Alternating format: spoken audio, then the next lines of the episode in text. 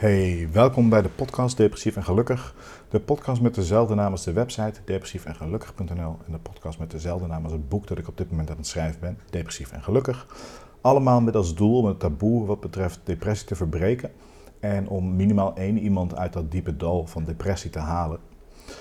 Heel erg tof dat je luistert. Ehm, ik hoop dat je al meerdere podcasts, meerdere afleveringen hebt geluisterd. Mocht dat niet zo zijn, dan uh, wil ik je natuurlijk uitnodigen om dat alsnog te doen. Mocht je nou zelf depressief zijn of mocht je gewoon meer over depressie willen weten of meer willen praten over depressie of, of iets soortgelijks, ga dan even naar depressiefengelukkig.nl slash community of ga naar depressief en, sorry, naar depressiefengelukkig.nl en klik op community. Dan kun je gratis lid worden van onze community waar we met z'n allen al, ja, praten over depressie, elkaar helpen, elkaar tips geven, advies geven en uh, af en toe ook gewoon even lekker klagen. Dus ik zou het heel tof vinden als je daar uh, ook even komt kijken. Waar ik het over wil hebben vandaag is uh, de medicatie, antidepressiva, antidepressivum, antidepressief, uh, pillen. Nou, maak er een mooi woord van. Uh, medicatie tegen depressie. En um, zodra jij bij de huisarts komt, of hè, als je in eerste instantie naar de huisarts gaat, en uh, laat weten dat je, dat je last hebt van depressieve klachten, dan word je hoogstwaarschijnlijk doorverwezen. Jammer genoeg wordt er te vaak al heel snel een medicatie voor geschreven. Daar ben ik geen voorstander van, daar ga ik je straks meer over vertellen. Maar de kans is dan dat je uh, antidepressivum gebruikt. Er zijn echt ontzettend veel mensen in Nederland en over de wereld die antidepressivum gebruiken. Er wordt niet alleen gebruikt tegen depressie, maar bijvoorbeeld ook angststoornissen en soms zelfs om uh, af te kicken van roken. Of af, ja, af te kicken van roken om uh, je verslaving uh, te stoppen met roken. Uh, zelf slik ik zo, ik denk, moet ik het goed zeggen, ik denk sinds mijn 15e, 16e, ik denk 15e, slik ik antidepressivum. En dat is niet alleen, dat is niet aan één stuk door. Er zijn perioden geweest waarin ik ermee gestopt ben omdat het beter ging of omdat ik gewoon super eigenwijs was. maar ik, ik heb dus al ja, aardig wat antidepressiva op. En uh, dat bedoel ik qua soorten. En ook qua hoeveelheid natuurlijk, maar vooral qua soorten.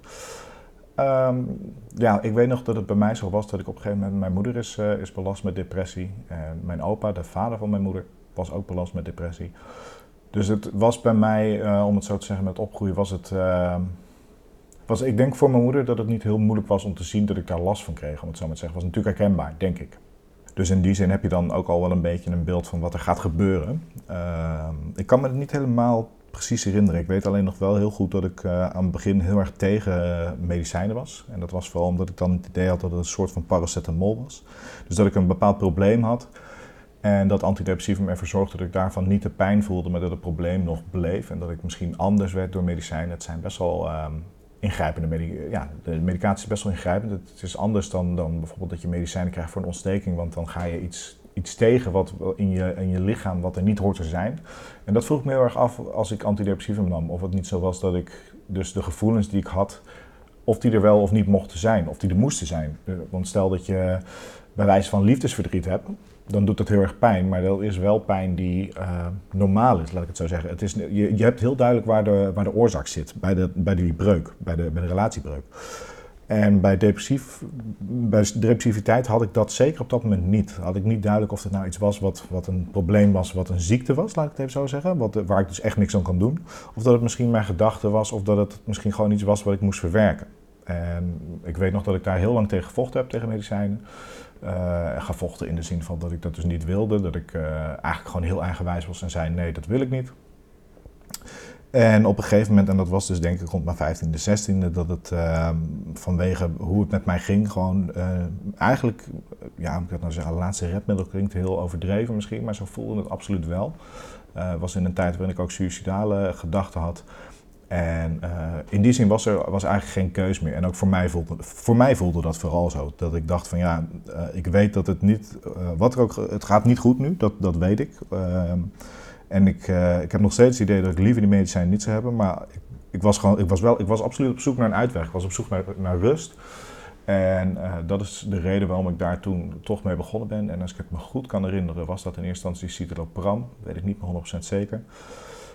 Um, ik moet je ook heel eerlijk zeggen dat ik me niet meer helemaal kan herinneren. Ik weet dat ik uit die periode ben gekomen. Uh, uit die, die, die donkere periode, uit uh, de periode met suicidale gedachten. Maar ik moet je heel eerlijk zeggen dat ik me niet echt kan herinneren hoe dat destijds precies gegaan is. Ik weet wel dat ik, dat ik er moeite mee heb gehad om die medicijnen te slikken. Omdat ik, ik was dus op een leeftijd 15, 16 en op een gegeven moment 17, 18. Dat is toch de leeftijd waarop je veel met vrienden omgaat. Waar je bijvoorbeeld uitgaat, ehm, waar je drinkt. Nou, en dat is iets wat ik in die tijd ook veel gedaan heb. En daar wil ik ook nog wel een podcast over opnemen. Maar goed, ehm, wat ik wil zeggen, het is niet heel verstandig. Met, met geen enkele medicijnen is het, nou, laat ik het, het is nooit verstandig om veel te drinken. Uh, maar zeker als je medicijnen gebruikt, moet je daarmee oppassen. En ik was eigenwijs. Ik was echt ontzettend eigenwijs. Omdat ik, uh, ik had het gevoel dat, uh, dat dat niet voor mij, dat, dat het niet mijn schuld was. En dat ik het slachtoffer was. En dat ik dus, ik wilde gewoon net als mijn vrienden kunnen doen. Ik wilde niet die medicijnen moeten nemen en niet moeten vergeten. Ik wilde niet de bijwerkingen van die medicijnen hebben, waar ik straks ook meer over ga hebben. En ik wilde ook gewoon kunnen drinken, zoals mijn, eh, mijn vrienden dat deden. En, en uh, ik, wil, ik wilde niet anders zijn. Ik denk dat dat, uh, dat, dat het best, uh, best weergeeft hoe ik me toen voelde. En wat ik zeg, het was ook gewoon het kleine dingetje. Dat ik, volgens mij was het toen s'avonds of s ochtends, maakt het niet zozeer uit. Maar als ik ergens sliep, dan moest ik mijn medicijnen bij me hebben. Want wat je misschien wel herkent, en zeker als je een wat hogere dosis hebt, als je dan een, een, een keer overslaat, dan krijg je daar meteen last van. krijg je een soort van afkikverschijnselen zelfs. Ehm, dus dat, dat was iets wat ik, ehm, wat ik als heel vervelend ervaarde. En dat is ook een van de redenen toen ik me dan weer beter voelde. En ik, kan zo niet precies herinneren welke leeftijd het was. Maar als het half uh, beter voelde, dan stopte ik met de medicijnen. En ik heb dat ook nog wel eens uh, vaker gedaan. Uh, of ik denk, zo goed als alleen maar dat ik dat zelf bepaalde. Dus dat ik dacht van nou het gaat nu weer goed, ik stop ermee. En wat je misschien dan ook wel weet is dat als je dat doet, dat je dan juist een enorme terugslag kan krijgen. Want één, je wordt fysiek is dat gewoon niet lekker qua die afkikverschijnselen wat ik net zei. En twee, je, je lichaam mist dan toch op een gegeven moment iets waar het, wat, wat het wel gewend is. Dus ook psychisch is dat niet aan te raden. Dat heb ik toch een paar keer gedaan ik ben ook echt wel een paar keer overheen gekomen over het. Dus dat ik een, langere tijd, ik denk een half jaar, misschien zelfs wel een keer een jaar, misschien wel eens een keer jaren. Ik, moet je echt, ik durf het je echt niet heel erg. Ik durf het niet zeggen. Uh, dat ik dus zonder die medicijnen heb gedaan. En op een gegeven moment kwam er dan toch weer iets waardoor dat, waardoor dat wel moest. Of een gebeurtenis waardoor ik weer heel diep teruggetrokken werd. Of gewoon na verloop van tijd trok het er weer in. Dus ik ben nu al, al jaren, ik ben, uh, ik ben laatst 30 geworden, dus ik ben al zeker zo'n 15 jaar, uh, dus niet aan één stuk door, maar al zeker zo'n jaar of 15 bezig met antidepressiva. En ik heb er ook al een stuk of 5, 6 gehad.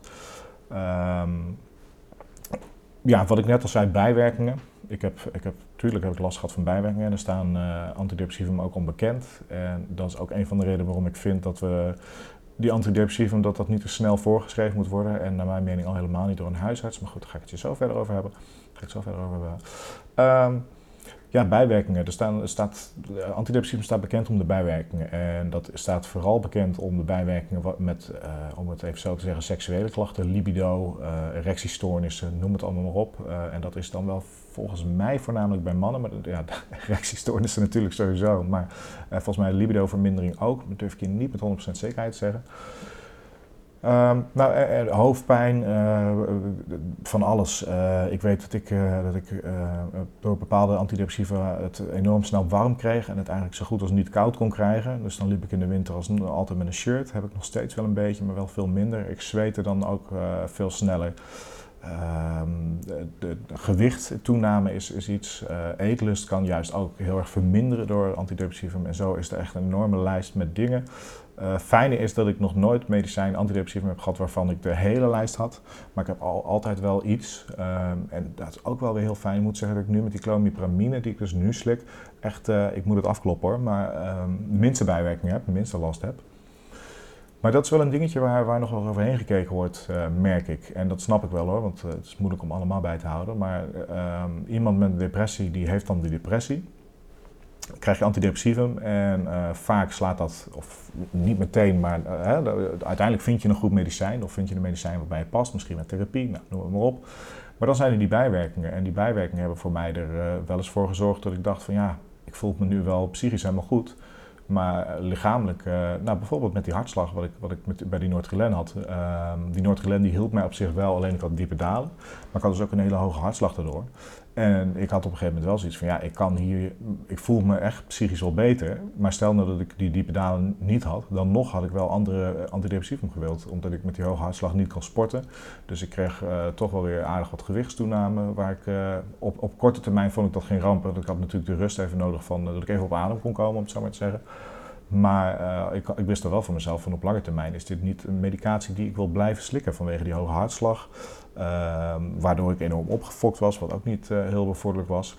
En zo zijn er natuurlijk dingen, en, en wat ik net zei, er zijn ook heel veel dingen met libido. En ik kan me voorstellen dat je op een gegeven moment uh, met een, een bepaald medicatie, dus je hebt, je hebt een, een antidepressivum en dat, dat, uh, dat werkt goed, dan ben je psychisch wat je er beter van. Maar stel dat je daardoor gewoon echt niet meer met, je, met je partner naar bed kunt dan kan ik me voorstellen dat dat wel iets is waar je na verloop van tijd toch zegt van nou, we willen toch wel andere proberen. Dus dat zijn wel wat, wat, wat bijwerkingen waar uh, veel mensen met depressie mee te maken hebben. En er zijn ook weer wat dingen waar, zeker die, die, om het even zo te zeggen, die seksuele problemen, de libido-problemen vooral. Dat zijn dingen waar je ook niet zo 1, 2, 3 mee naar buiten gaat. Dus het is niet dat je zegt van nou, het gaat goed met me, maar ik kan nu niet meer met mijn partner naar bed. Zou ik je wel aanraden om dat gewoon open te bespreken met je, met je psychiater of psycholoog. Maar ik kan me voorstellen dat het, uh, het is niet hetgene waar je het liefst over hebt, laat ik het zo zeggen. Dus dat, dat zijn vooral bijwerkingen van, van, uh, van medicatie, waar, antidepressiva, waarvan ik, uh, waardoor ik ook meteen zei van ik ben er niet een voorstander van dat een huisarts dat uitschrijft. En dat is niet omdat ik iets tegen huisartsen heb, maar moet ik natuurlijk wel heel eerlijk zeggen dat, en dat zul je weten als je mijn eerdere podcast hebt geluisterd, dat uh, mijn venlafaxine is destijds enorm verhoogd, de dosis door een huisarts. En dat kwam omdat ik daar dan kwam. En dan even bij wijze van, dan zei hij hoe gaat het met je? Dan zei ik niet goed. Dan zei hij oké, doen we er 25 milligram bij. Zo is dat een paar weken doorgegaan waar ik uiteindelijk op 225 milligram kwam met alle bijwerkingen van dien. En ook het afkicken wat daarvan toen op een gegeven moment echt een hel was, omdat je natuurlijk zo'n hoge dosis hebt.